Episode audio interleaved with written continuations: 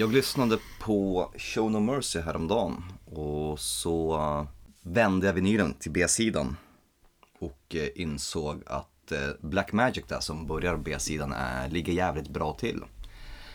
Ännu en gång det här med vikten av att lägga låtarna i rätt ordning. Men så insåg jag också vilket jävla bra riff det är. Så min fråga idag, så här sexårsdagen av Hannemans död. Vilket är det bästa Hanneman-riffet egentligen? Helvete. Du kan ju inte, du kan inte köra sånt här som intro när man måste... Ja men fan snabbt, snabbt, snabbt ska det gå. Kom igen. Fan, bara magkänsla. Ja, men jag säger väl kanske Raining Blood eller Angel of Death. Eller... Uh...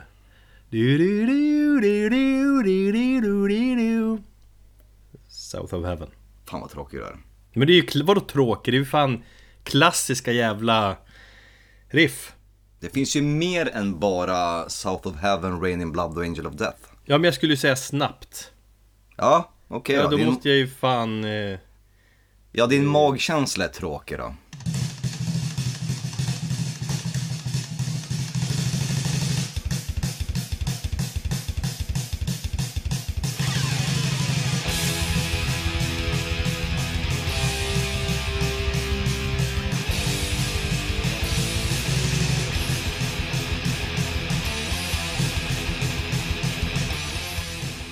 Hej och välkommen.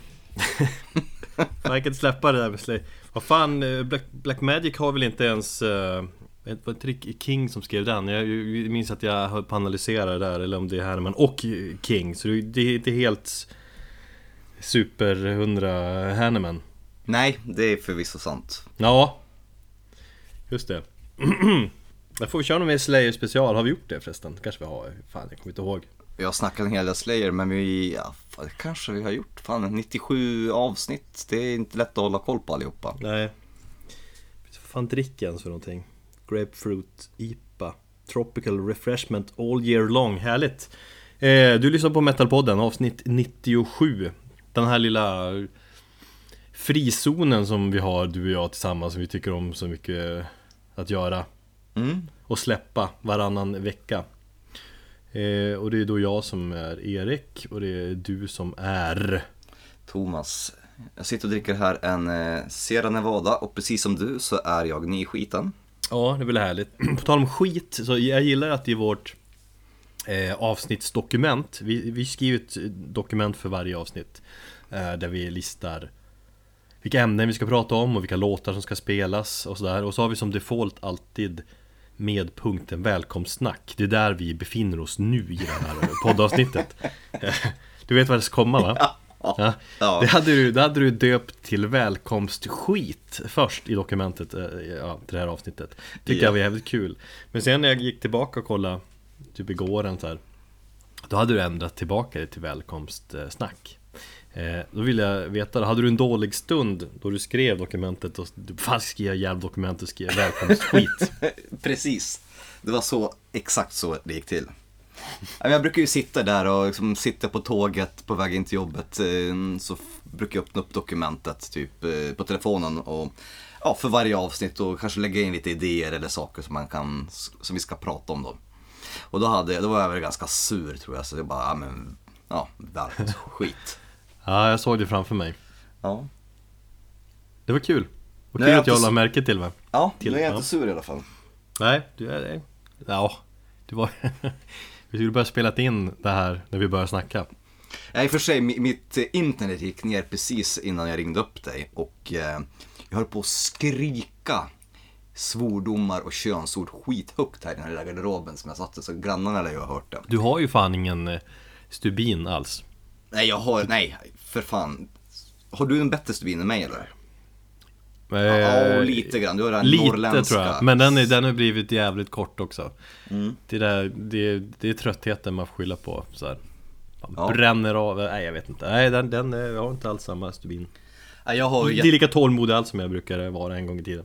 jag har aldrig varit speciellt tålmodig och det ser man i mina söner.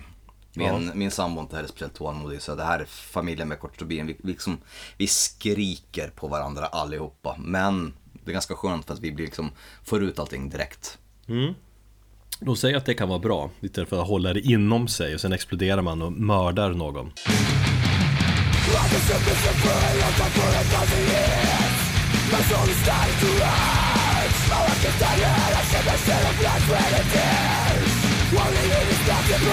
You. try to stop me to convince me I can't escape I'm tired of being your rats I'm out of music with the lights But it is misleading I'm about to lose my wrath I won't accept this life I'm this death of your ambition Don't be a slave It's soul to the other side För två eller tre avsnitt sen, något sånt där, då pratade jag om att jag hade velat åka till San Francisco och se en eh, Metallica när de firar SNM och eh, sådär genom att återigen spela dem i San Francisco symfoniorkester. Som en unik, cool grej. Och det var ju många som var sugen på att åka och se den spelningen, även jag. Men det var ju omöjligt att ta på biljett Om man inte var så här riktigt rik jävel då. Just ja. Mm.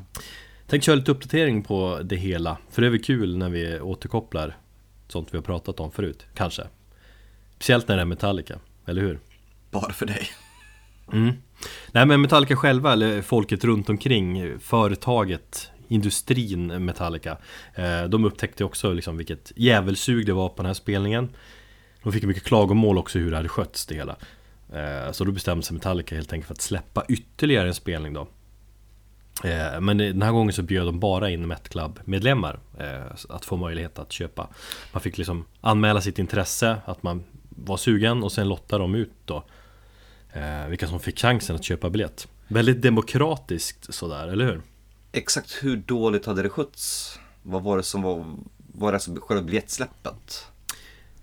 Ja, lite dåligt. Det var ju bara att de hade liksom inte räknat med att det skulle vara sånt djävulskt sug liksom Nej. Eh, och det var ju som fast man var en sån här legacy-medlem hade man inte en chans att köpa eh, Och sen när det släpptes för allmänheten och sådär då eh, När man väl kom in så var det ju bara, kunde man bara köpa då såna här uh, resale De som köper en biljett och direkt lägger ut den Svin alltså.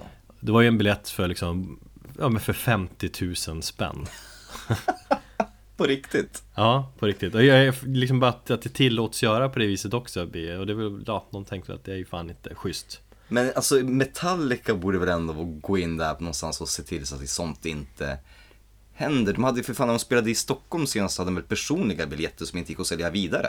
Mm, ja det blir ju vanliga vanliga. Förvånat att det inte var så där också. Ja, jag Eller också det här är ju också personliga biljetter typ, men man kunde sälja. Jag vet inte riktigt, men, men allmänt var det ju att Problemet är ju att det är så jävla, och sånt sug efter den där kons- konserten liksom.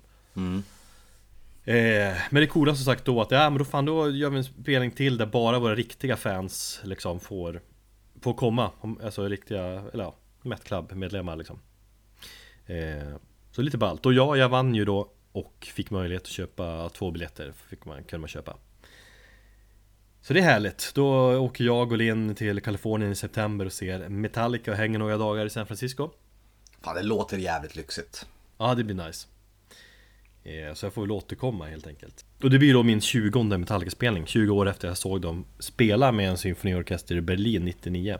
Det känns som att, kanske var inne på det förut också, men det känns som att cirkeln blir, sl- blir sluten då. Efter det tänkte jag, jag tänkte jag lägga ner det här bandet.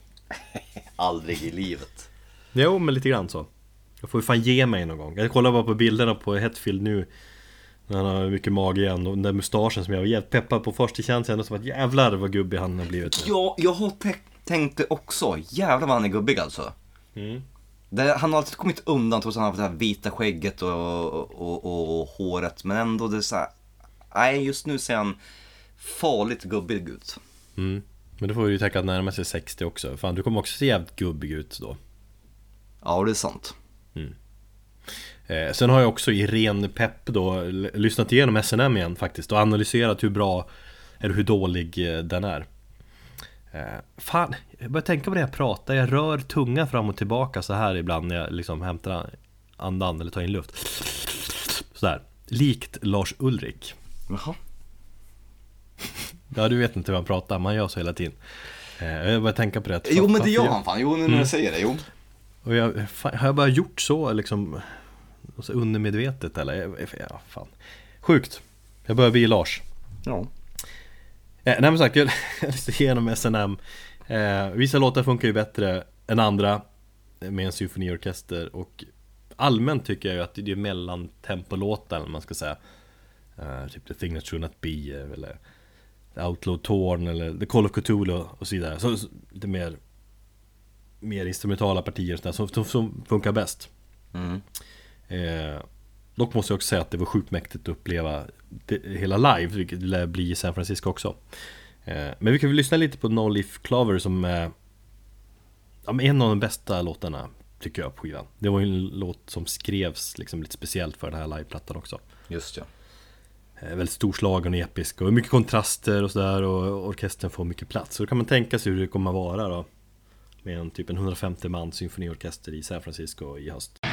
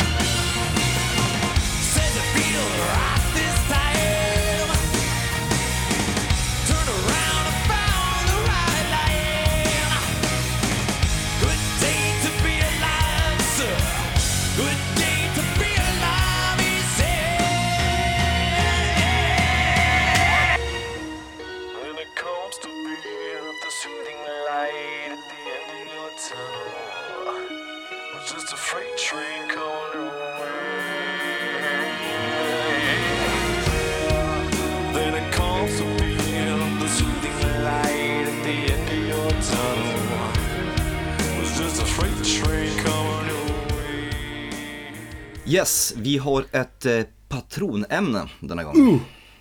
Ja, Ja, det var ett tag sedan va? jag minns inte. Nej, det har vi haft ganska mycket patronämnen. Ja, ja några avsnitt sedan i alla fall. Mm. Eh, Och i det här avsnittet är då vår patron Kristoffer Grönlund. Eller jag tror han är från norr, så då blir det ju liksom Grönlund om man säger. Mm. Eh, han har bestämt ett ämne åt oss. Eller bestämt och bestämt. Han gav oss faktiskt flera ämnesförslag att välja mellan. Typ tre, fyra stycken tror jag. Och det gillar vi, när man får lite valmöjligheter. Eh, och vi fastnade dock för ett ämne. Ganska så eh, enhälligt va? Ja, direkt nästan. Vi kände att det här var något speciellt. Jag tänkte som vanligt att vi läser lite vad han har skrivit då. Eh, han skriver så här. Eller du kanske ska få läsa för en gångs skull. Det är alltid Ja. jag som läser de texterna. Ja, men Varsågod. tack. Eh, jag har ett par olika ämnesidéer som ni kan få fundera på. Take it or leave it. Jag vet inte om ni redan har pratat om det, men det är grymt med ett avsnitt om musik som inte är metal, men som känns metal. Typ musik som spelar i samma känsloregister som metal gör, eller som har samma typ av låtstrukturer och så vidare. Och eh, det gick vi igång på, bägge två, ganska så snabbt. Ja, det är ju ett eh, spännande ämne. Tycker vi alltid får bra spännande ämnen i, i regel. Mm. Eh, och det är ett ämne som jag har faktiskt funderat lite på själv. Ganska mycket, framförallt efter Roadburn. Så här, jag pratade väl om det i förra avsnittet när vi pratade just Roadburn att den festivalen försöker hela tiden ja, men utmana gränserna för vad som räknas som tung musik. Exakt. Eh, och det fan det är befriande att tänka så. Istället för att liksom hamna i de här genrediskussionerna typ om vad som är tyngst och folk bara thrash! Och så bara nej Döds! Fan krossar ju, vad fan snackar de om? Doom! Eh, Tunga Doom-riff krossar allt och så vidare. Jo, jag vill minnas när jag som tonåring liksom konstant försökte överträffa som mig själv eller, eller liksom, och genom att hitta det mest extrema bandet. Ett tag så var kanske Metallica det extremaste man hade hört och sen så var det Cannibal Corpse och sådär. Och då hela tiden gick efter liksom growl, dubbla basgaggar, tunga riff och sånt där. Medan jag med åldern då insett att eh, en skör kvinnlig sångröst och en akustisk gitarr kan vara minst lika tungt som den extremaste dödsmetallen. Ja, och faktum är också att man, man har ju funderat på men hur långt kan man ta det här? Hur extrem kan man göra musiken? Och det känns som att det, där har man nått liksom stjärnstopp för länge sedan. Ja, för länge sedan, exakt. Uh, alltså det är liksom inte så intressant att, att kolla på liksom tyngd åt det hållet. Men, men jag gillar ju som musik som ja, men berör med sin tyngd på andra sätt också Men som inte nödvändigtvis faktiskt kännetecknas som metal och vi vi, kommer, vi har väl en hel del bra exempel vi kommer att ta upp här tycker jag Men Det är ju framförallt väldigt individuellt också vad man känner Jo, absolut. Jag har väl tänkt så att jag har försökt att hitta någonting i, i många olika genrer. Det, jag tänker, så här, eller det som vi båda tänkte ganska så spontant när vi fick det här ämnet, det var ju att ja, men då börjar man gå kanske till film-soundtracks och, och ja, vi pratade ju om John Carpenter här innan. Tv-spelsmusik och något slag. Jag hade ju tänkt att dyka ner där, men tänkte, men det har vi redan gjort. Och soundtracks som inte är metal men ändå låter jävligt metal. Men då tänkte jag, nej men fan vi, vi går lite utanför boxen. Jag tänkte ju lite mycket inne på klassisk musik. Eh, Det finns ju många eh, punkter som stämmer in, inom klassisk och metal liksom så här, men eh, det, känns också för stort ämne, Men jävligt intressant också, det kanske blir något sånt framöver. Beethoven var den första hårdrockaren. Ja, så var det ju lite grann. Eh, Nej men jag tänker också, många syn på tung musik är ju också att det ska vara högt. Att hög musik är hårt Det slamrar och har sig, men eh, Det finns ju lugnare tongångar som också kan vara vansinnigt tungt liksom. Mm. Jag pratade faktiskt med eh, med brorsan om det här ämnet. Eh, Han skickar då en hel del eh, hiphop och en hel del techno och så elektronisk musik. Just ja. Jag gillar att kasta in allt liksom Allt elektroniskt i, i, i benämningen techno. Men Hiphop går jag ju inte igång på så mycket egentligen. Mitt problem med hiphop är liksom om Man ska hårdra det hela. Det är att texterna ofta inte berör. Det är, det är för mycket tuffa gangsta-texter. Nu fick jag sådana exempel av brorsan också. Du vet att man skjuter och det är ju i Förorten och, och det är knark och sånt. Men det är inget som liksom jag kan Jag känner inte igen mig i det. Eh, Det är inget som talar till mig. Då hoppas jag att eh, mitt hiphop-tips kommer kunna få dig att tänka om. Mm.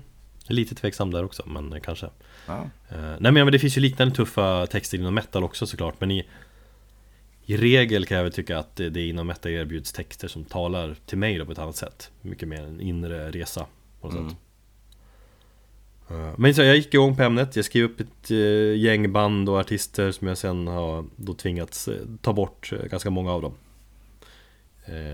Det är ett ämne som det är lätt att åka iväg med ja, vi skulle lätt kunna göra ett väldigt brett och eh, omfattande avsnitt här annars.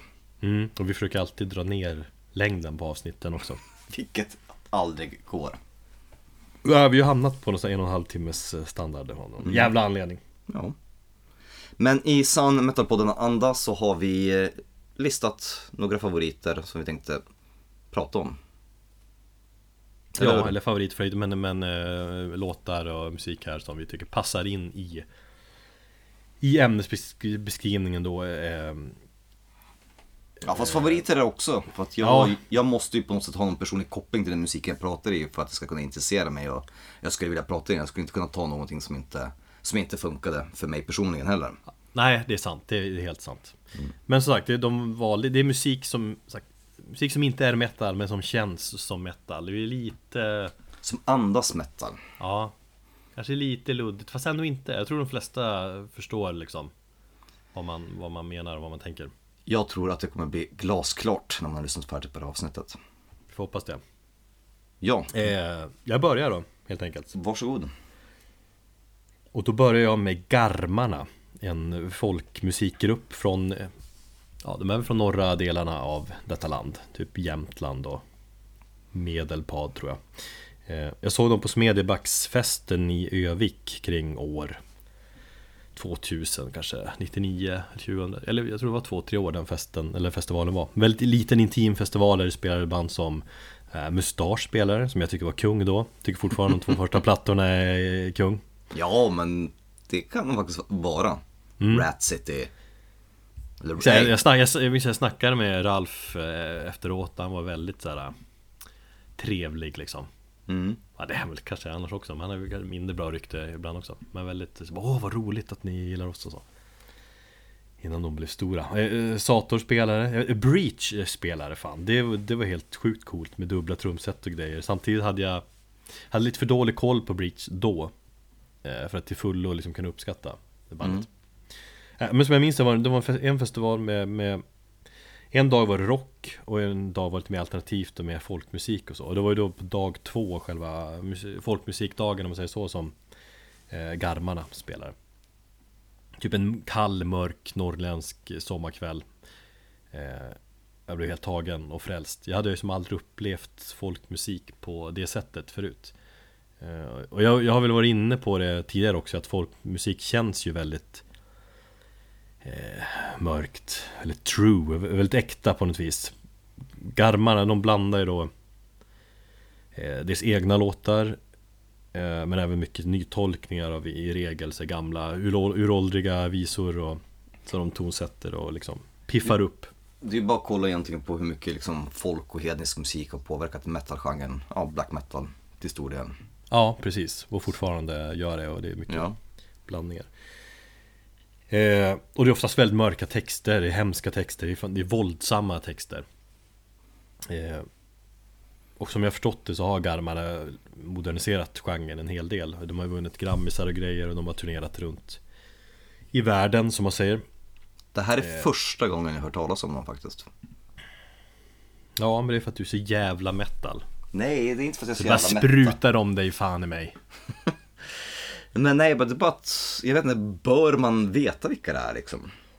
Ja, alltså jag, de var ju jävligt stora då när jag liksom började lyssna på dem där i slutet av 90-talet och några år framåt För de hade ju en hit med låten Gamen till exempel Mm. Eh, Jag tror det var typ musikbyrån som hade någon special om dem också och grejer Jävligt häftig musik Eh, Och de spelade ju på eh, ja, mycket festivaler och sånt där Sen hade de ju haft ganska långt uppehåll och du vet det är familjer och, och barn och utbildningar som har varit i vägen innan de Mm.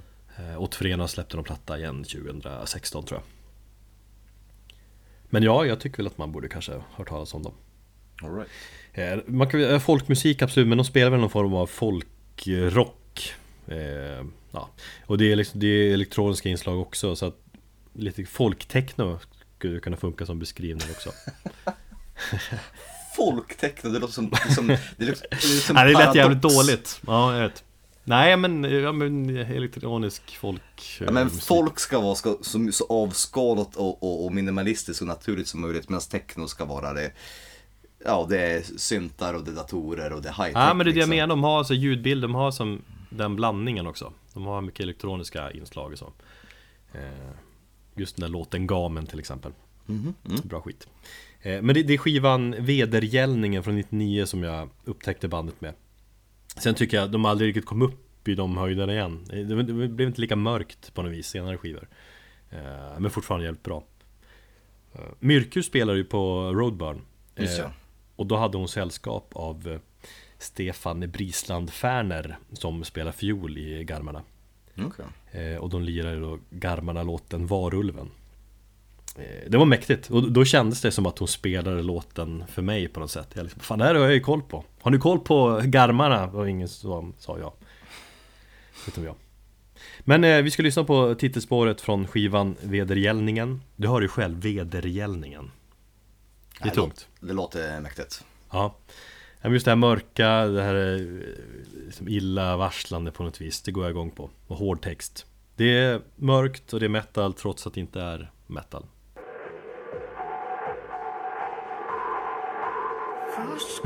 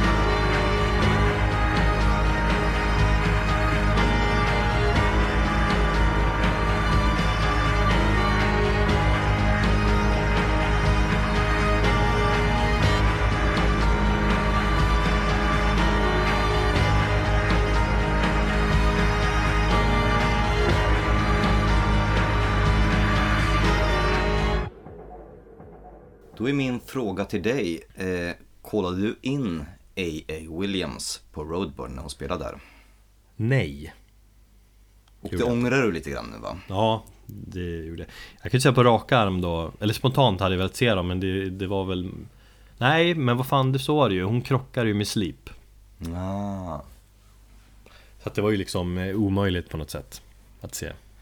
Jag hade ju en Däremot tänker jag att eh, det är väl inte De har inte kommit med det än, men Kalteluna kommer väl Till Sverige i höst De är ju så jävla luriga, de släpper något datum i taget så här. Ja, just ja. Eh, Men på de andra Europadatumet så har de ju A.A. Williams som förband i alla fall Mm. Det var ju faktiskt så jag började lyssna på, lys- lyssna på henne All right. Mm. Ja, Jag hade inte direkt någon, någon koll på henne förrän jag såg spelschemat för Roadburn där. Så att, eh, eh, kollade in vem hon var och eh, blev faktiskt, bara häromdagen blev jag så jäkla tagen av hennes musik. Hon har ju bara släppt egentligen en, en EP. Ja, Så att eh, hon är ju jätteny eh, på, på ja supernykläckt på alla sätt känns det som Ja. Och allting verkar ha gått gans- ganska snabbt också. För att hon skickade in, tror jag, sin, sin EP bara till Holy Roar. Eh, det skivbolaget vi pratade om i förra avsnittet. Och de tyckte det var så jävla bra. Eller de skickade in ett par demos, de ville att de skulle göra en EP. I alla fall, A.A. Williams är eh, en artist som bor i London. Hon har en klassisk skolad bakgrund och eh, ja, låtmässigt eller musikaliskt så ska man kanske kunna placera henne i det här alternativ folkrockfacket som typ, ja men Chelsea Wolf, Emma Ruth Rundle, lite Wovenhand vet jag har eh, nämnts med hennes i samband med henne. Jag skulle dock säga att hon är lite mer kanske avskalad än Chelsea Wolf. Men jag tycker att det finns något, just det här mörkret i hennes musik är jävligt eh, likadant på något sätt. Det känns som att, eh, kanske fel men det känns som att Chelsea Wolf är mer industriell Ja. i soundet och A. Williams är mer liksom eh, Ja, analog på något vis Absolut, absolut. Jag hade faktiskt tänkt att komma till det. Eh, hon, har ju, hon är ju mer avskalad, eh, Williams, på det sättet. Eh, hennes största inspirationer, vad jag har förstått, är Amenra och Cult of Luna. Så att man kan ju förstå att hon eh, då mm, åker iväg på en för, för, för, förbandsturné. mm. Med, med bandet. Det tackar hon inte nej till så att säga Nej, precis. Och som sagt, hon släppte ju en eh, EP, eh, självbetitlad EP, fyrspårs-EP, eh, här nyligen har jag för mig att det var.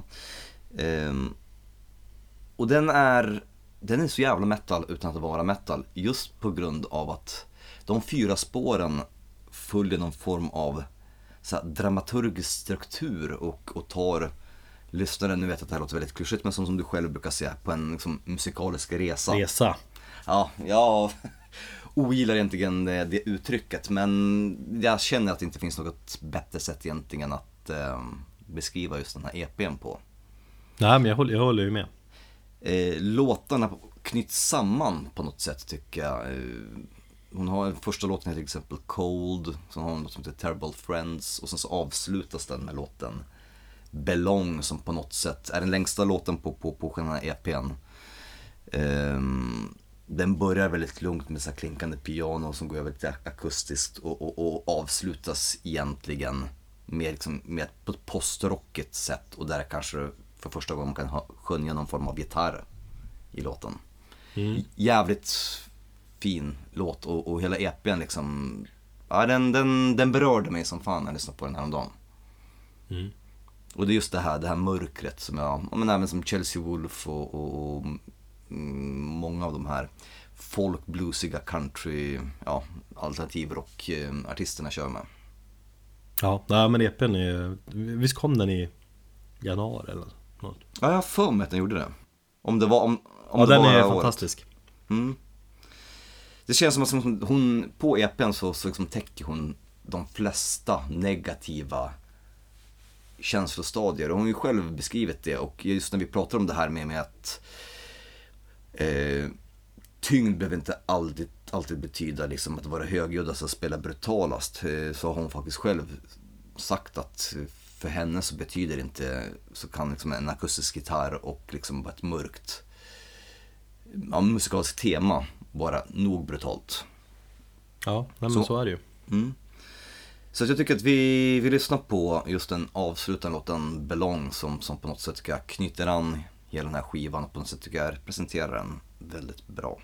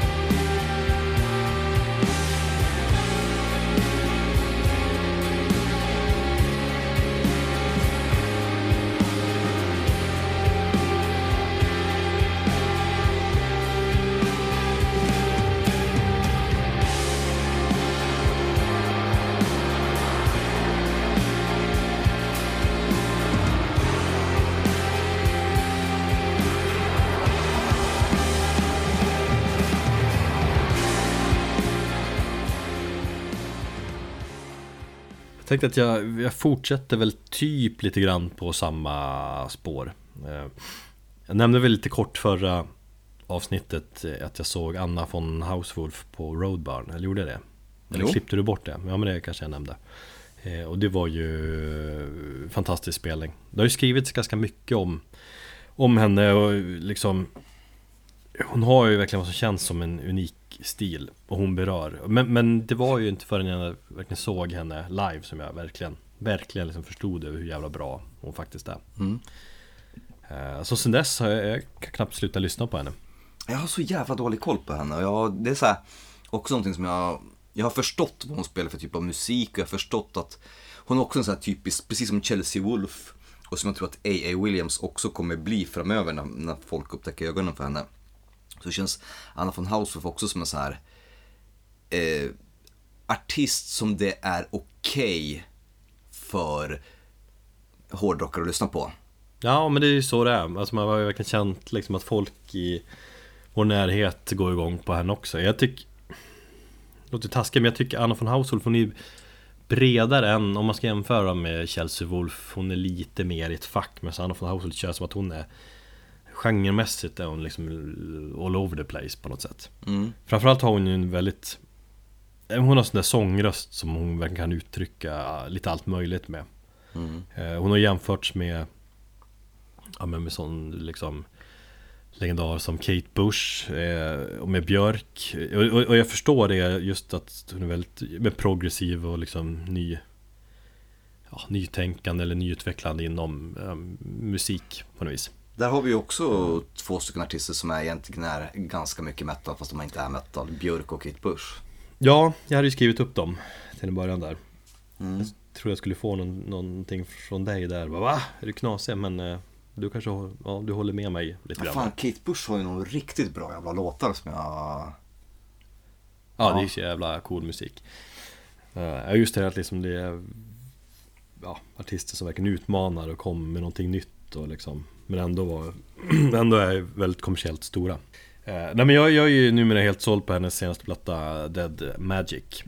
Eh, Anna von Haushof som släpptes Det var väl vid den här tiden förra året tror jag. Mm. Eh, En skiva som är inspelad i Armorkirken i Köpenhamn Eller Armorkirken eh, Kyrkan som har stor Jättestor kyrkorgel som hon delvis liksom skapar sin eh, ljudbild med eh, Och det är ljudbild också som har byggts upp av eh, Randall Dunn En amerikansk producent som bland annat har jobbat med Med Sun Just ja. Eh, genremässigt, det är ganska svårbeskrivet som sagt, men det, det är ju någon form av eh, ja, men, här, mäktig gotisk eh, orgel, eh, med mycket mystik. Typ, så. Eh, och stundtals får jag liksom en en känsla av black metal också. I alla fall på ett atmosfäriskt sätt liksom. Estetiskt också va? Ja Ja, Horace är är jävligt coolt och så här. Mm. Och hon har en väldigt intensiv sång som berör Stundtals är det lite, och det är det jag tänker också att black metal, att hon är ganska, känns ganska creepy ibland När man hör henne sjunga Jag tänkte fan, oj nu ändrar hon karaktär helt I sången här Vem blev hon nu? Just det. Eh, men hur som helst, väldigt, väldigt bra. Eh, skiva jag rekommenderar starkt. Eh, inte metal, men, men då fan känns det som metal emellanåt. Så jag tycker vi, vi Vi lyssnar på slutdelen av låten The Mysterious Vanishing of Electra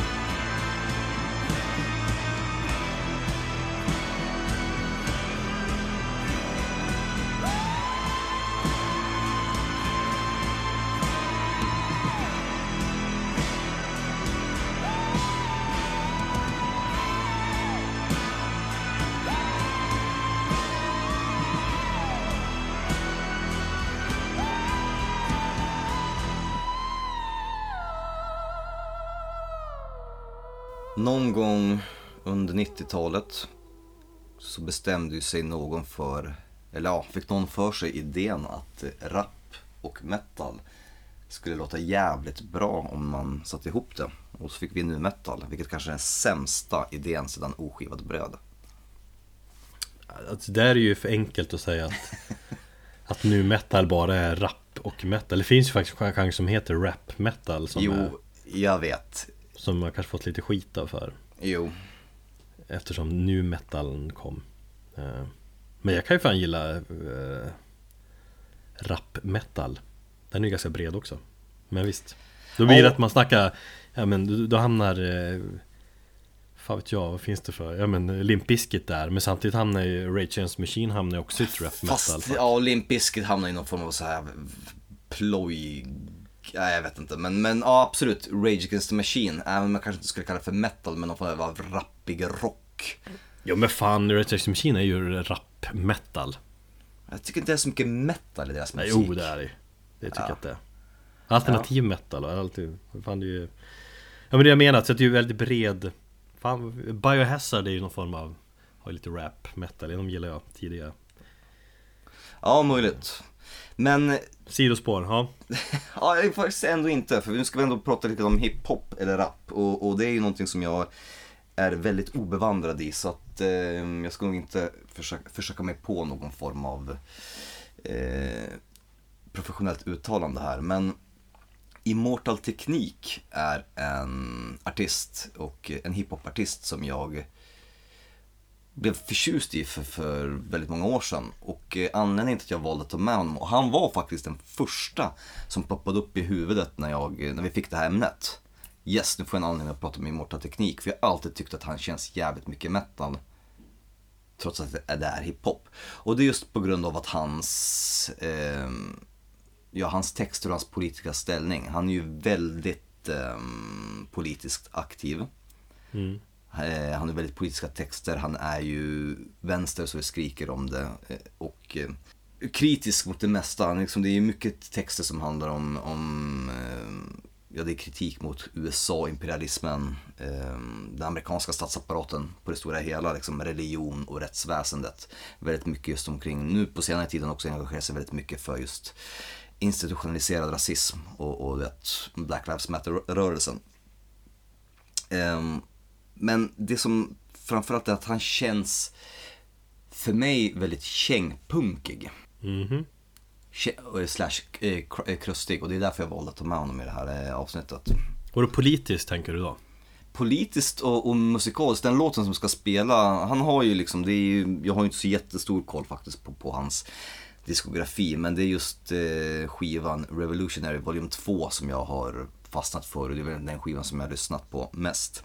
Det är den andra delen i en serie av album som han har skrivit som handlar om USA som land och, och liksom all den kritiken han bemöter. Han kan vara lite konspiratorisk ibland och, och liksom ta sig vatten över huvudet när han snackar om att ja, 9-11 var ett inside job och sånt där. Så man får väl kanske ta vissa saker med, med en nypa salt.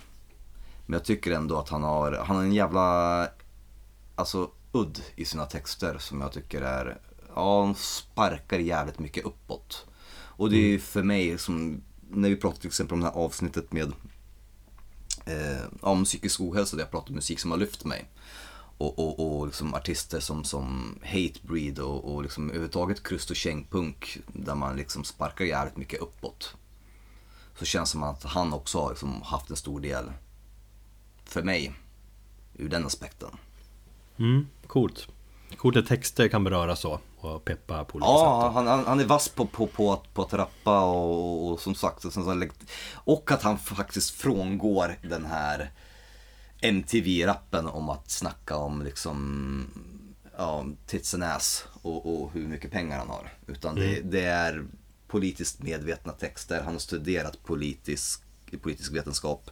Han kallar sig själv för revolutionär. Han är ju amerikan men han har ett afroperuanskt ursprung. Han är född i Lima eh, heter Felipe Andreas Co- Coronel och eh, växte upp i Harlem så att han har haft en ganska tuff uppväxt. Han har suttit i fängelse bland annat.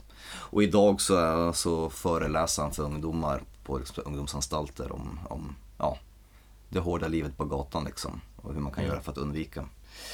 Ehm, han äger sitt skivbolag och han har trots flertalet erbjudanden från så här stora major label, han har aldrig skrivit på för någonting för att han vill ha full kontroll på, på alla sina utgivningar och äga allting själv. Så att, eh, jävligt mycket, Respekt. Ja, det är sjukt mycket respekt för honom och det finns faktiskt en... Men då vet han ju att han är så pass stor och så att, han, att det funkar också. Ja, absolut. Han har ju vunnit en hel del priser och han har ju, han är ju, ja, han har ju hållit på nu, vad fan tror jag, i ja, över 20 år om inte mer. Eh, det finns en eh, en timmes lång dokumentär på YouTube som är ganska gammal men är väldigt, ja alltså intressant om honom. Eh, bland annat får folk runt honom eh, uttala sig. Där är bland annat hans mamma och hans mormor som fortfarande bor i Peru liksom.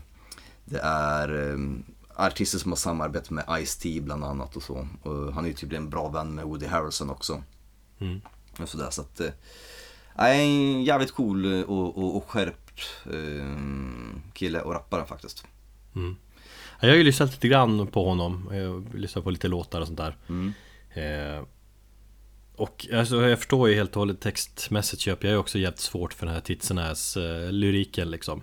Eh, Och det är tungt absolut men det känns ändå för mig ganska typisk Tung hiphop, alltså det är fortfarande mycket motherfucker, mycket öh Och ett beat liksom som eh, Som man kör eh, samma hela låten genom typ så på Okej. det viset, liksom musikaliskt så känns det som ganska ja, men typisk hiphop som Visst, när man lyssnar och låter, det är ju liksom hårt och tufft men i längden blir det ändå för mig ganska liksom repeterande och tjatigt Därför ska vi ta och lyssna på den här låten Point of No Return som har eh, ett, liksom ett, ja, symfoniskt litet, eh, ja en sampling i bakgrunden som ligger där och, och på något sätt ger, ge låten den här lite mer metallklingande känslan som det symfonisk metal kan göra ibland.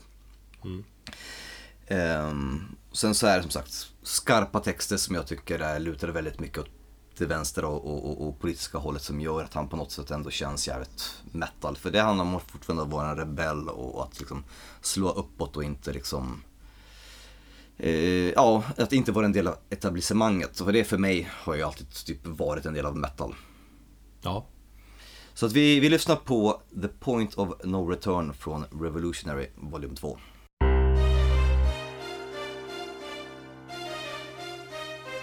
Yeah. It's that real this time around. Immortal Technique. Revolutionary Volume 2. It's on now, motherfucker. Lock and load. This is the point of no return. I can never go back. Life without parole, upstate, shackled and trapped. Living in the hole, looking at the world through a crack. But fuck that. I'd rather shoot it out and get clapped. I've gone too far, there ain't no coming back for me. Auschwitz gas chamber full of Zyklon B. Just like the Spanish exterminating Tainos, raping the black and Indian women, creating Latinos. Motherfuckers made me out of self righteous hatred. And now you got yourself a virus stuck in the matrix, a suicide bomber strapped and ready to blow. Lethal injection strapped down, ready to go. Don't you understand? They'll never let me live out in peace. Concrete jungle, guerrilla war out in the streets. Nat Turner with the sickle, pitchfork, and machete. The end of the world, motherfucker, you not ready. This is the point of no return, and nobody can stop it. Malcolm Little when he knelt before Elijah Muhammad, the comet that killed the dinosaurs, changing the earth. They love to criticize, they always say I changed for the worse. Like prescription pills when you misusing them, nigga. The Templar Knights when they took Jerusalem, nigga, and figured out what was buried under Solomon's temple. Al Aqsa, the name is not coincidental. I know too much, the government is trying to murder me. No coming back like cutting your wrists open vertically. How could the serpent be purposely put in charge of the country? Genetic engineered sickness spread amongst me. My people are so hungry that they attack without reason, like a fucking dog ripping off the hand that feeds him. Immortal technique is treason to the Patriot Act. So come and get me, motherfucker, cause I'm not coming back. This is the point from which I can never return. And if I back down now, then forever I burn. This is the point from which I can never retreat. Cause if I turn back now, there can never be peace. This is the point from which I will die, succeed, live in the struggle. I know I'm alive when I bleed. From now on, it can never be the same as before. Cause the place that I'm from doesn't exist anymore. This is the point of no return, nigga. You better believe this, Mary. Tänker vi, vi följer varandra ganska snyggt här för nu tänker jag också snacka lite hiphop eh, eller kanske en alternativ form av hiphop då i form av eh, Saul Williams Som är en eh, allsidig snubbe som dels han är ju rappare och han är skådespelare och musiker Han har hållit på mycket med sån där uh, slam poetry eller vad man säger så Spoken word Ja, det är fan poetry coolt. Ja, heter det, kanske Jag har varit på så, några sådana kvällar. Jag var funderade ett tag på att ställa upp själv. Jag har skrivit en hel del texter och sånt där. Alltså, Ja, jag eh, var på väg en gång. De har ju så slam.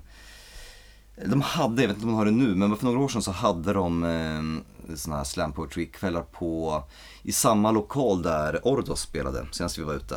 Mm, ja fan det har jag faktiskt läst om Såg en reportage om det också mm. eh, Att folk bara får gå upp och, och snacka Det är det är jävla mäktigt Väldigt utelämnande Vissa är extremt liksom karismatiska Mm. Eh, Det är häftigt eh, Saul Williams, jag har sett lite grejer eh, när han har kört tidigare Han har ju jävla liksom Ett jävla snack på honom Ja, det är så jävla självutlämnande mm, Ja. med, med vissa av dem där. Så jag, jag, jag har svårt för det. Jag, ja, som sagt, jag var på väg dit men jag, jag vände en gång. Fick fan panik. Du skulle ju kunna liksom börja lite lugnt och debutera i Metalpodden Alltså jag har ju, fan jag har ju släppt, jag har ju publicerat i två böcker och jag har varit med i olika så här, po poesiforum. Men fan ju äldre jag blir desto mer vill jag hålla saker för mig själv.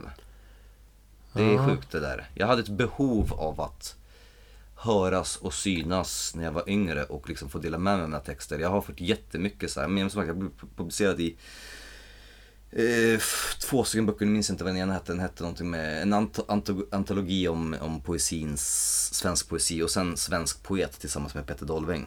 Det var faktiskt via honom som jag eh, blev publicerad. Han hade ju skrivit en hel del grejer så jag mm, pratade lite grann med honom. Det här var ju, vad kan vi säga, det här var ju åtta år sedan kanske. Det är inte så länge sedan ändå. Alltså, Nej, det är absolut inte. Men, men då hade jag ett behov liksom. Så jag fick ju, jag hade tror jag, fyra stycken eh, dikter just i Svensk Poet. Så det, var, det var ganska stort för mig då. Men jag, och, och, och liksom, jag har fått jävligt mycket så feedback och från olika, så, olika forum man har varit med i så har folk skrivit och man har fått så, så det är skitgrymt. Men jag känner som, som idag så är det jävligt svårt att, att ens skriva en endaste rad och dela med mig till någon annan. Jag ja, vet inte du, varför. du, du har ju snackat tidigare om att du skriver låttexter och, och grejer men, men jag tror ändå det blir en annan grej om du med din egen röst liksom läser upp. Alltså det är ju det som är det häftiga. Ja.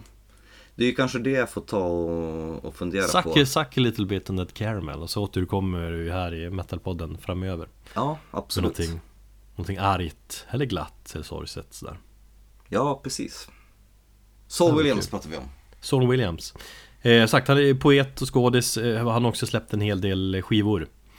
Eh, det var så jag fick upp ögonen för honom eftersom han spelade som förband till ett visst band som heter Nine Inch Nails.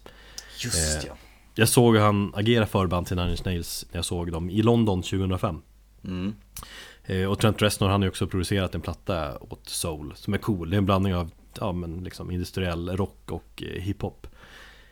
Eh, Det men förklarar väldigt mycket, för jag lyssnade på dem och lite grann på honom idag. mm, Och jag tyckte jag fick Nine Inch Nails-vibbar utan att ens veta om att de hade ett samarbete. Mm, Saul Williams har ju också gästat på Nine Inch Nails eh, låt All right. Så det är coolt eh, Men skivan jag fastnar för är den Ja den är självbetitlad eh, Som heter Saul Williams och som släpptes 2004 eh, Skivan innan han började samarbeta med, med Reznor då. Jävligt bra platta, det är snubbar som Sergio eh, från System of Down och Zac de la Rocha som gästar Ja, ah, just ja. och det är väl någon, är någon form av alternativ hiphop Lite, lite punkrock är det känslan och det är mycket liksom spoken word Delar i det också Jag läste att han har själv kallat sin stil Industrial Punk Hop Industrial Punk Hop eh, Det är ganska cool beskrivning Vi har väldigt många roliga genrebeskrivningar här. Jag kommer komma, komma till några framöver jag också. Vad sa att det här? Industrial Punk Hop Punk, punk? Ja. Hop och, Folktechno. Vi kommer att prata om kopunk också. mm, Ja. Ja. Ja, men, och det är mycket texter, det är även här tänkvärda, intressanta att läsa. Kommer gick igång på mycket texter där. Eh, mycket kopplat till, till gettot och, och rasismen och, och sociala förhållanden. Är Ganska politiska texter. Eh, och det är inte den här... eh, Visst, det kanske är från gettot, men inte den här gangsta... Gangsta-vinkeln som jag har så svårt för. Mm. Eh, och det är låtar och det är texter som, som fastnar Ganska cool, jag vet inte riktigt vad han gör idag sådär. Han börjar väl bli gammal han också. Eh, men vi lyssnar på List of Demand som kanske är hans största hit ändå. Från den självbetitlade skivan.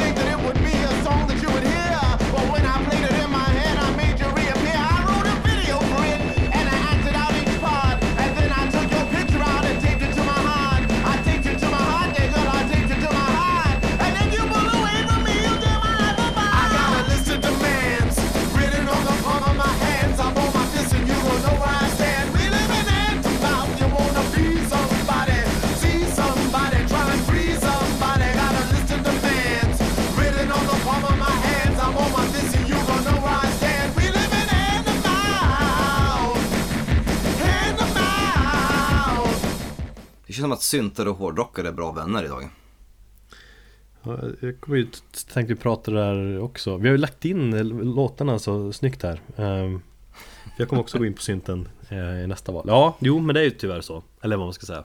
Jag brukar gilla att snacka liksom De som är polare man känner som är lite mer åt det elektroniska kallar de syntarjävlar och att det finns ett heligt krig mellan eh, hårdrockare och syntare. Mm. Vilket är jävligt eh, dumt för man tänker efter. Det är så jävla mycket Alltså som, som genrerna har gemensamt tycker jag. Ja, men inte då liksom kanske.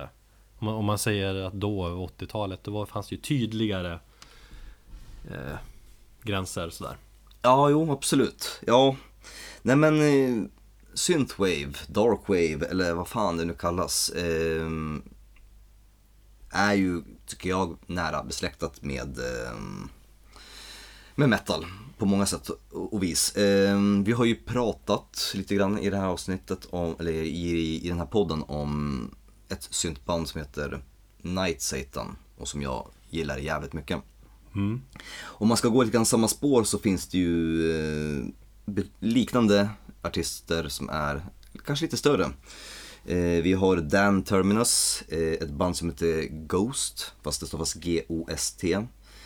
Och Perturbator, eller James Kent som han egentligen heter. Sjukt bra eh, snubbe. Spelar jävligt eh, grym och atmosfärisk eh, synthwave.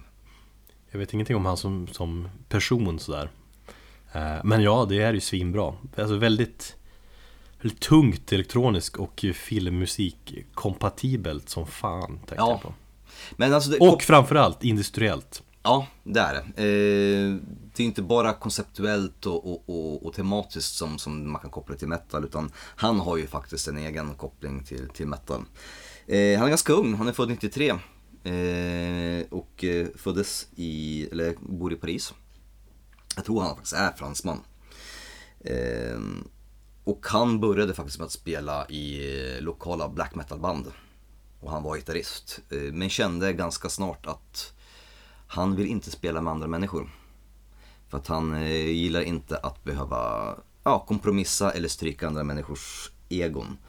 Och vill egentligen göra någonting som Ja, han, egentligen, han kan skita i vad folk tycker så länge han får göra det helt och hållet själv. Därför startar han bandet Perturbator. Och de är, han är ganska, de är ganska nya. Eller han är ganska ny. Men det, jag menar, det är ingen ursäkt i sig. Man kan väl vara, vara ett enmans black metal-projekt. Ja, absolut. Men han tyckte att eh, han ville nå någon form av koncept som han, och ett estetik som inte kunde göra med black metal. För han är jävligt eh, ehm, influerad av eh, japansk kultur och i, i, i synnerhet filmer som typ Akira och Ghost in the Shell. Sen så gillar han väldigt mycket så postrock som han sa, eller han, jag läste en intervju att han var väldigt stort fan av Cult of Luna. Han har ju till och med gjort en remix på Cult of Lunas Cygnus från Mariner-skivan. Jaha. Mm. Finns på hans bandcamp att lyssna på.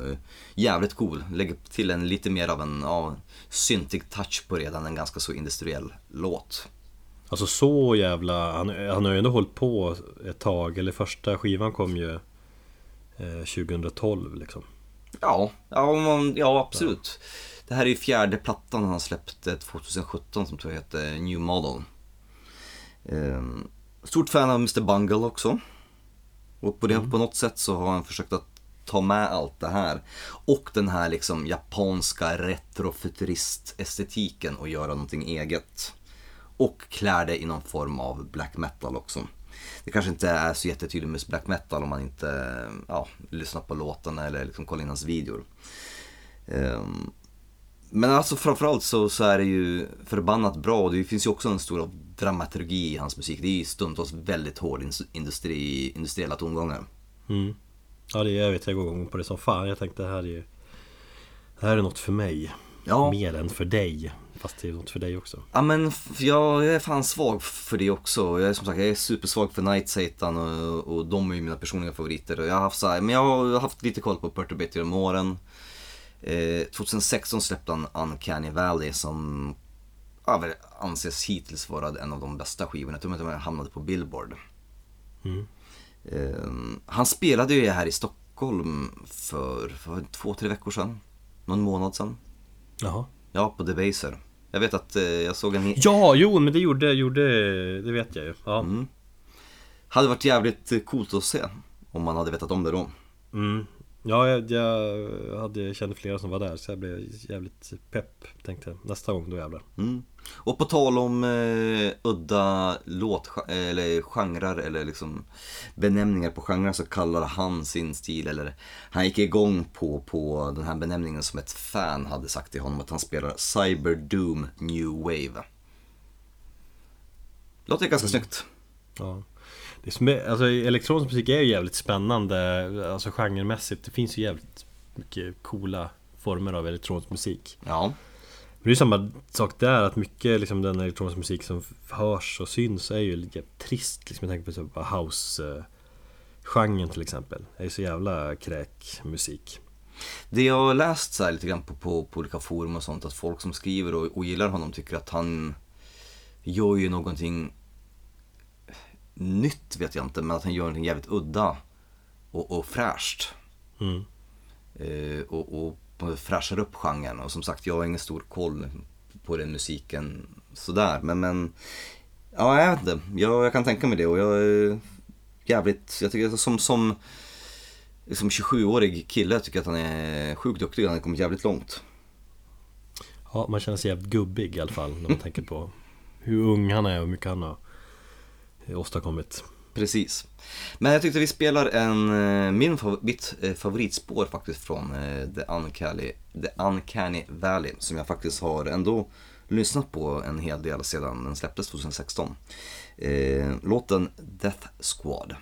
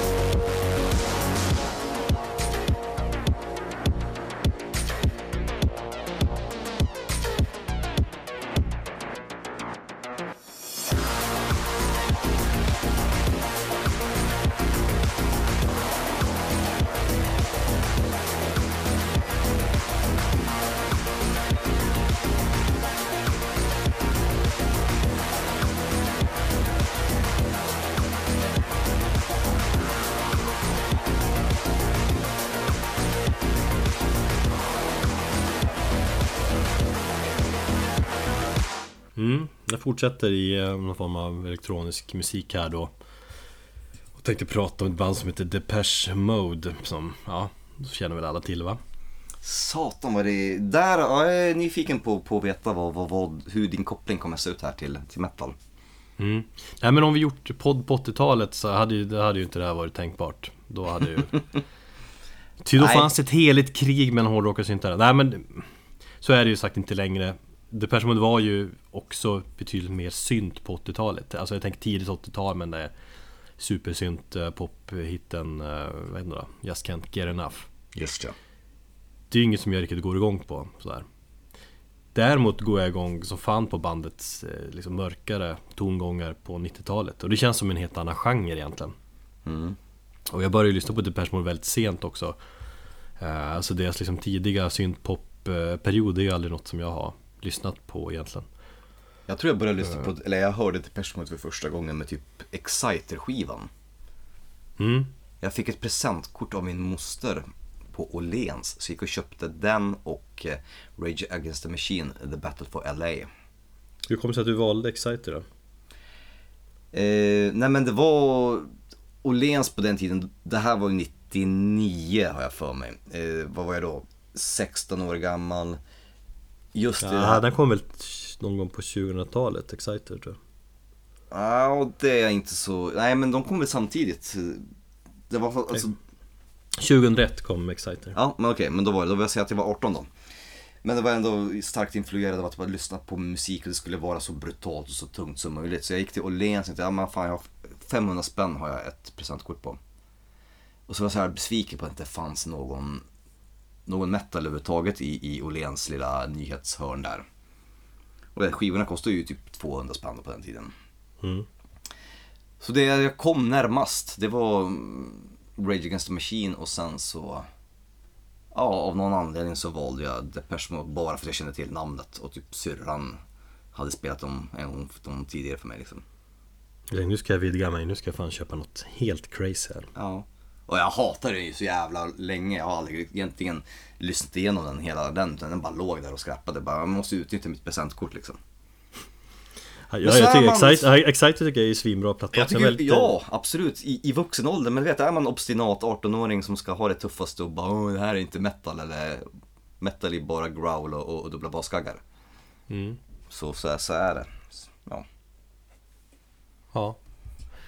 Eh, nej men jag, jag upptäckte väl om mitten av 90-talet eh, Framförallt plattan Ultra som släpptes 97 Mm.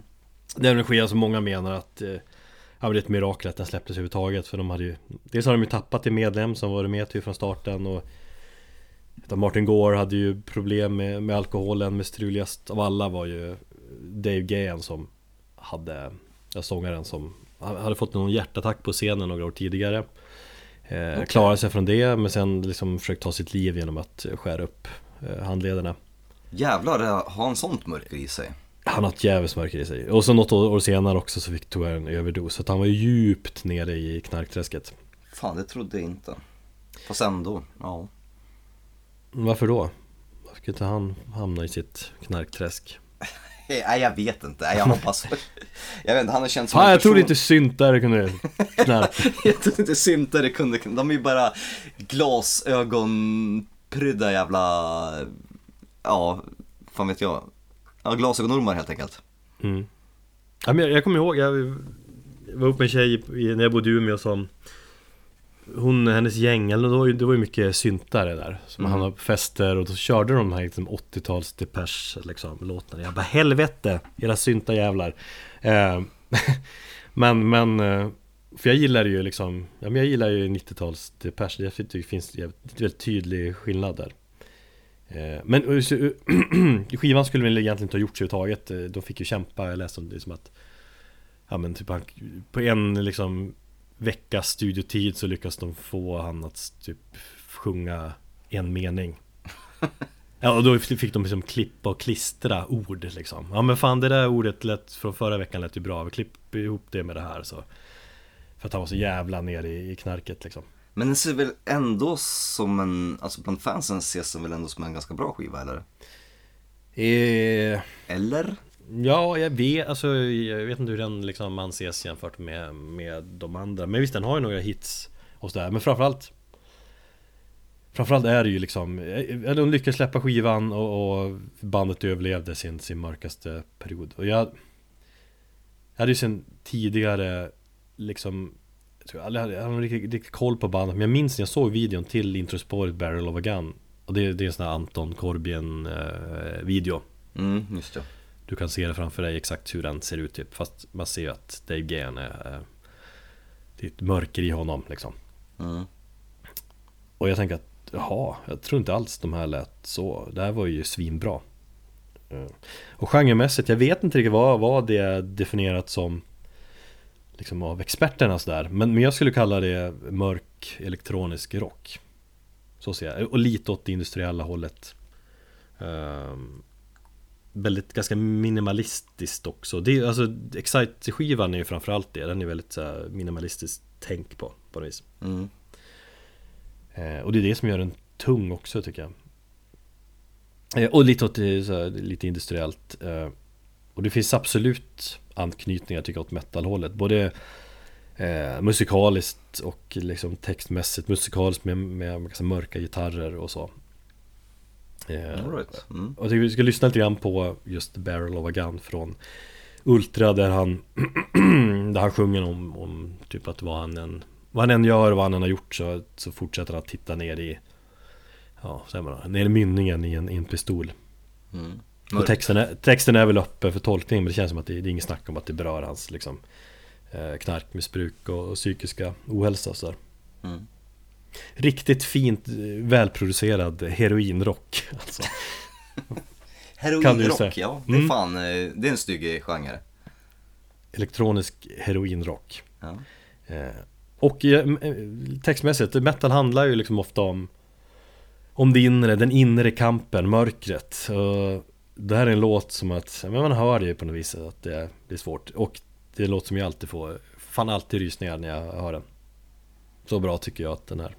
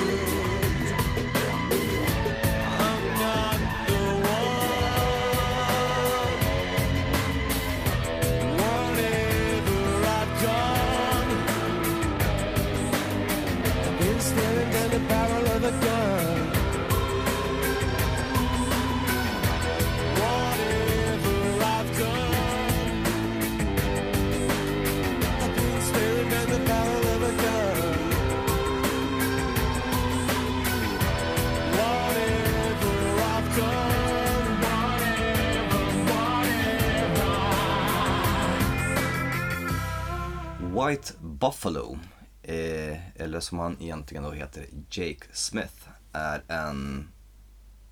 Dels en väldigt snygg man, måste jag faktiskt säga. Och jävligt trevlig. Det vet jag för att jag har druckit kaffe med honom på, på vårt kontor på Sound Pollution. När skedde detta? Det var någon gång under eh, sent 2017, oktober 2017 kanske var. Mm. När han släppte sin senaste skiva Darkest Darks Whitest Lights. Har jag för mig att den ligger. Eh, hans koppling till metal eh, är flera. Dels så ligger han ju på ett klassiskt metalbolag som heter Earache. Som typ Entombed har legat på och eh, ja, Napalm Death och, och en jävla massa kända band. Ett skivbolag idag som faktiskt eh, har försökt att bredda sig lite grann så de kör kanske inte bara metal. Och, och, och ja, White Buffalo är väl kanske mm, en av eh, de som inte kan räknas i det facket. Han spelar någon form av outlaw country, eller som han själv eh, beskriver det, cowpunk, alltså kopunk. På tal om udda genrebenämningar. Eh, och outlaw country känns eh, bara, ja du hör redan på ordet, det känns ju jävligt mycket metal. Det är ganska brutalt. Det är typ, ja som han själv har sagt, men mina låtar handlar om, om kärlek, om att förlora sig själv, om mörker och om flaska. Om, om att hitta liksom hoppet i flaskan. Och ett och annat mord. Jag tror jag, har inte du nämnt han tidigare i podden? För jag har ju lyssnat på han tidigare i alla fall Alltså han är ju superkänd. Om man inte känner honom till, na- till namnet så känner man säkert eh, till honom för att han har låten Come Join the Murder som spelades i sista avsnittet i Sons of Anarchy. Sons of Anarchy, just det. Ja, jo men jag tror vi berört dem eller så jag från ett annat håll För jag har ju lyssnat på han tidigare och han är, jag är en cool snubbe. Och, och som sagt stilen Ja vad fan jävla kopunk eller alternativ eh, country eller countryrock eller vad fan ska jag säga då. Eh, Den är ju spännande för att alltså, man gillar ju som country ändå men, men och så lite hårdare. Och så är det en stil eller, som man egentligen inte har så bra koll på. Alltså Country är gigantiskt liksom genre i staten och sådär Men det är inget som man, man har ju bara rört på ytan där på något vis. Man, Då gillar man de här lite mer alternativa. Ja, alltså jag har ju, jag har ju hatat country liksom med en fas under, under stora, st- största delen av mitt liv. Men det är inte förrän på senare tid som jag insett att country är så mycket mer. Det är ungefär som att säga att man hatar metal, men det finns ju många olika sub, subgenrer. Och det är samma sak med, för mig så har ju tidigare eh, country varit, ja, någon, någon snubbe som sitter med banjo på en altan i en gungstol är både sin kusin, syster och, och, och liksom parakit samtidigt. Och liksom bor i Alabama. Men alltså country kan ju vara ganska mycket, men att ha, ta liksom Johnny Cash och, och, och liksom den typen av kanske lite mörkare countrystuk och, och då hittar du någonting som jag tycker är ganska så Ja, typ metal men ändå inte metal. Och sen så finns det ju sammankopplingar mellan liksom, ja men ta Metallica, Mamma Said liksom. Deras egna, James Hetfields egna liksom countrytolkning. Ja, eh, sen finns det väl så här, eh, man kan fråga om, om, om det är blues eller om det är just country också. Ja, ja visst, det, det är ju nära besläktat. Jag tycker kanske att genremässigt så kanske det är ibland ganska svårt att eh, och eh, definiera exakt vad som är vad. Mm. Nej men just på tal om, eh, om, du, om du nu ska börja snacka Metallica får jag väl hoppa in där men James har ju liksom en kärlek till country, han har väl snackat om att han skulle vilja släppa en, en eh, countryplatta någon gång, det kanske han gör när han fyller 70 liksom Mm. eh, Och då har sagt Mamma Said är ju tydlig liksom country-inspirerat, det hade varit kung! Fan tänk dig sådana soloplatta med Hetfield där han sjunger sin mörka country på Men tänk Dave Vincent i, i vad heter? Morbid Angel, släpper en countryplatta liksom och åker omkring och turnerar. Trodde man inte liksom tidigt 90-tal. Nej, Nej men just eh, White Buffalo, eh, han är ju liksom gammal punkare också. Eh, och han växte upp med både punk och eh, country. Så att det finns liksom, det finns någon sån här punk, punk-edge i, i hans musik. Och sen just det, det här mörkret med, med, ja som vi pratade om. Hitta, hitta hopp i, i flaska, alkoholism, ett och annat mord och, och texter som handlar väldigt mycket om liksom så här fighten mellan, mellan det goda och det onda och liksom inre konflikter. Jag tänker på eh, filmen Star is Born eh, Snubben som, eh, eller karaktären som Bradley Cooper spelar där Just det, Vet ja. Bradley Cooper mot eh, Lady Gaga eller Mm. mot, ja. eh, Den personen som, karaktären som Bradley Cooper spelar Det känns lite som att, att White Buffalo är liksom den livslevande snubben Ja, eller Den karaktären, lite så Ja jävlar, det har du faktiskt rätt i. De har ju till och med samma ögon. mm. Jake, eh, Jake Smith eller White Buffalo har ju exakt Bradley Coopers ögon. Eh, nej men eh, som sagt, han är en supertrevlig eh, snubbe. Eh, när han var och hälsade på oss, för han gjorde någon promovända här i, mm, i Sverige. Så körde han typ tre fyra låtar med en bara akustisk gitarr i våran typ matsal. Och det var så här, ja, men det var supergrymt och det liksom, Ja men så var det, det var därför jag lyssnade på honom När du nämnde det, ja så var det Så var det. Ja, och jag tycker som sagt det är jävligt effektivt när man bara är med, med, med en enkel, med en röst, med en sångröst och egentligen ett instrument som typ en akustisk, som för att, prata, för att uh, gå tillbaka till med A.A. Williams. Man kan göra saker väldigt liksom, det krävs inte så mycket för att, liksom, att man ska trycka på de här speciella känslorna. Som jag tycker metal gör, att man kan även göra det med en akustisk gura liksom. Mm han har ju bland annat spelat i Californication då också, förutom den kända låten då från Sons of Anarchy. Och han har haft en del eh, hittar med olika filmer av olika slag. Så att han är, eh, han är egentligen ganska stor. Eh, jag tycker att vi faktiskt ändå kör den låten som jag tycker är mest metal. Och det är ju Come Join the Murder. Otroligt jävla fin låt. Jag eh, lyssnade på den faktiskt här för, för någon vecka sedan och fällde en tår. Efter att jag hade klippt förra avsnittet. Det vet du vad jag pratar om. Då var du väldigt skör också Ja, jag var väldigt skör. Men eh, otroligt fin.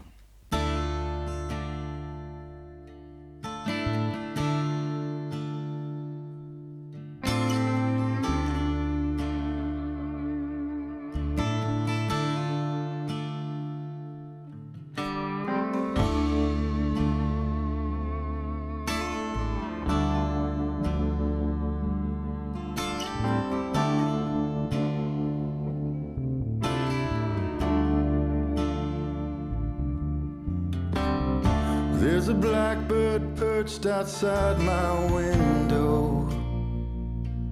I hear him calling.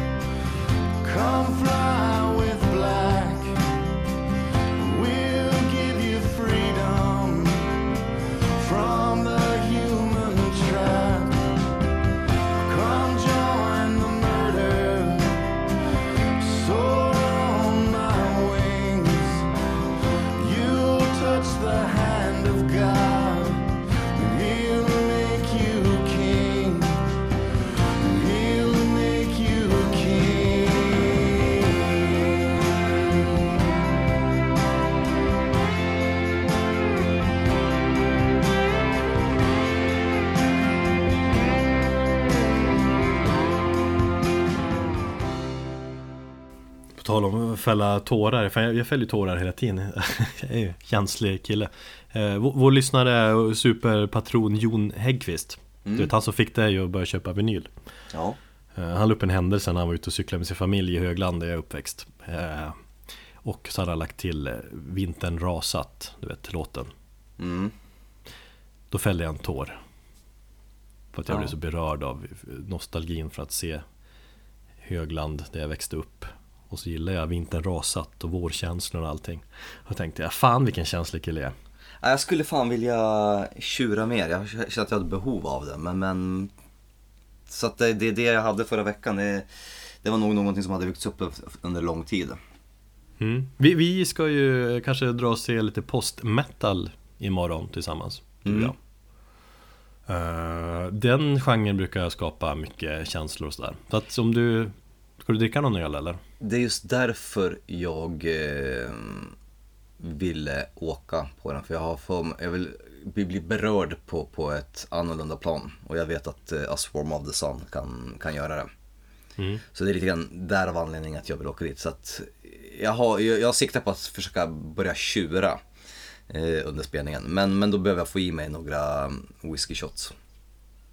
Du har nämnt whisky flera gånger senaste veckan Ja men det var Jag har bara... aldrig sett dig, så jag har aldrig- jag har aldrig sett dig dricka whisky, jag har aldrig hört dig prata om whisky tidigare heller Nej men bara för att jag... Var kom det ifrån? Nej men det var den alkoholen som fanns hos mina föräldrar och jag var som sagt, jag var väldigt skör den dagen så jag kände att jag behöver liksom tycka synd om mig själv och sitta, sitta i trädgården och dricka whisky på kvällen. Eller på natten. Fan, eh, vacker eh, syn på något vis Ja, och lyssna på White Buffalo och bara gråta. Ja, nej vi ska inte bli så alkoholromantiska nu då Som jag vet att vissa tycker att vi är, eller att jag är. Men vad fan, det blir kul. Att se lite post Du är så eh, jävla glad att jag är tillbaka i alkoholträsket igen. Du bara äntligen, jag är inte så ensam längre. Nej, det är inte så jävla djupt ner i det Men eh, den är väl, ja. Du är lite halvt tillbaka i alla fall. Nog om det eh, Om liperiet där. Men eh, avslutningsvis då, vi ska fortsätta lite grann på mm, Den elektroniska banan fast kanske lite mer extrema elektroniska Banan på något vis Med Aphex Twin. Eh, Och så kallar sig en snubbe som Egentligen heter Richard David James. Eh, Men Aphex Twin är lite coolare. Har inte han varit med i typ så här superlänge? Han har varit med länge ja. Han är ju eh, någon gillar snubbe, han är ju är förgrundsgestalt och pionjär inom ja, men olika former av ele- elektronisk musik eller modern sån, men som, som drum and bass framförallt och techno IDM Ja. Intelligent Dance Music som det står för. Och mycket ambienta grejer och så. Finns det intelligent dansmusik alltså? Ja men det är så här motgenrer eh, från eh, Vad heter den då? I, EDM. E- EDM, exakt Electronic I- Dance Music. Ja Intelligent Intelligent Dance Music, IDM då, det är väl lite mera eh, om, om EDM är mera liksom så här eh, att det, man ska vara ute och dansa till så är Intelligent Dance Music lite mer att man, det ska funka att sitta hemma i soffan och lyssna till för sig själv. Okej. Typ. Lite mer intelligent musik, eller jag vet inte. Något, typ så. Ja du hör ju, fan nu sitter så här folk från eh, Technopodden och lyssnar och tänker Fan, vad snackar de om? Jävla posörer. Ja. Kan ju ingenting. Nej, men det får väl fan vara då eh, Vi halvdyker ner lite lätt Men Erik vet vilka kallingar James Hetfield hade på sig den där dagen i Solnahallen 92, eller när fan det var. Vadå? När, vadå när fan det var? Och då, då, då, då Cliff dog? Vad är det det du menar? Vadå du spelade Solnahallen senast? Var det det? Ja, jag vet inte, jag har inte så koll på da- datum när Metallica spelade i Stockholm. Nej men Solnahallen är ju, Solnahallen och Metallica, det är ju liksom heligt Vill du bara nämna Solnahallen 92 sådär?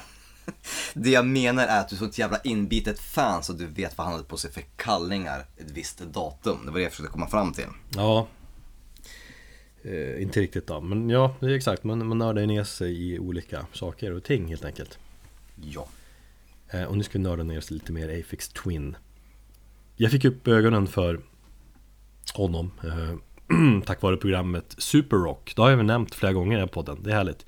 Eh, Program som gick på MTV När det fortfarande var MTV eh, i slutet av 90-talet eh, Där spelades massa metal, massa musikvideos i, i typ två timmar. Eh, Som en polare spelade in och så såg vi det dagen efter. Eh, Det var mycket återkommande video där. Det var eh, Framförallt, och det har jag också nämnt, att jag blev spyless på Etty Gates låten Blinded by Fear. Jag hatade den låten. Eh, Tompa Lind med sina jävla dreads och, sådär och det var För att det spelades för ofta. Ja, den spelades jämt. Mm. Och en annan låt som spelades väldigt ofta det var Aphex Twins uh, videon till eh, låten Come to Daddy. Eh, Och den berörde mig och satte liksom ett R i min själ på något vis Vilket jag har kvar fan mig idag också för jag, jag kollar in eh, videon idag. Mm. ja, Den är fortfarande jävligt rå. Men- det, det är en låt och video som kommer från eh, EPn Ja, EPn heter också Come to Daddy som släpptes 97 Och eh, låten Come to Daddy det är en form av eh, drum and bass. Eller dr- drill and bass tror jag det beskrevs som. Men vi säger drum and bass då. För nu kände jag att jag åkte ner i något, något dju- djupt vatten där eh, Men det är jävligt hård sådan. Industriell drum and bass väljer jag att kalla det. Okej. Sen har han ju släppt väldigt mycket softa grejer också som är ganska sköna att lyssna på. Eh, Senare skivor och sånt. Eh, För jag, bör- jag började ju lyssna på Aphex Twin där och så sen Eh, I och för sig, jag har inte lyssnat så mycket på hans senaste tio åren Men, men eh, ja, det är lyssnat på skivor, det är ganska, ja men såhär Liksom bara bakgrundsmusik och sånt. Mm. Eh, Men förutom att Camp to var en jävligt cool låt Det var, det var, så här, det var ju väldigt inne då med, med drum and bass vid den här tiden. Även till exempel Trent Reznor skrev ju en drum and bass eh, låt vid den här tiden Med sin The Perfect Drug. Eh, Men framförallt var ju videon sjukt bra. Då ser man en eh, En gammal tant som, som går i ett sunkigt bostadsområde Så är det en TV som slås på och så är det något ansikte där Förvrängt ansikte som skriker I want your soul. Och skrämmer skiten ur henne. Och så möter hon ett gäng kids som alla ser ut som eh, Twin eh, Richard där. Ja, just ja. ja. Eh, så att jag tror du borde ha sett den videon. Jo, Jävligt- det är nog förmodligen den enda kopplingen och, och det jag har hört Mm. från honom. Fantastiskt cool och scary video. Eh, och så sen när hon lyckas fly så möter hon ett monster också som ser ut som Richard James. Han har ju använt det greppet i andra videos också. Eller jag vet inte om det är han som har gjort videos, det är väl någon annan kanske men det alla ser ut som honom, har liksom en mask, har masker på sig och ser ut som honom. Det ser så jävla sjukt ut på det viset. Han har ju skivomslag också med en bikinibrud med hans face på. All right. Som är klassiskt. Eh, Men sagt, jag såg den videon idag igen och den berör fortfarande. Förbannat cool låt, väldigt hård. Trots att den inte är metal. Men en låt som jag tror har inspirerat jävligt många. Uh, The Dillinger Escape Plan har ju gjort en cover på den till exempel. Okej. Och du tycker att du tycker att den var lite jobbig att lyssna på sådär. Och det är det man gillar, att den är ganska hård och eh, skränig och distig liksom. Mm. Eller hur?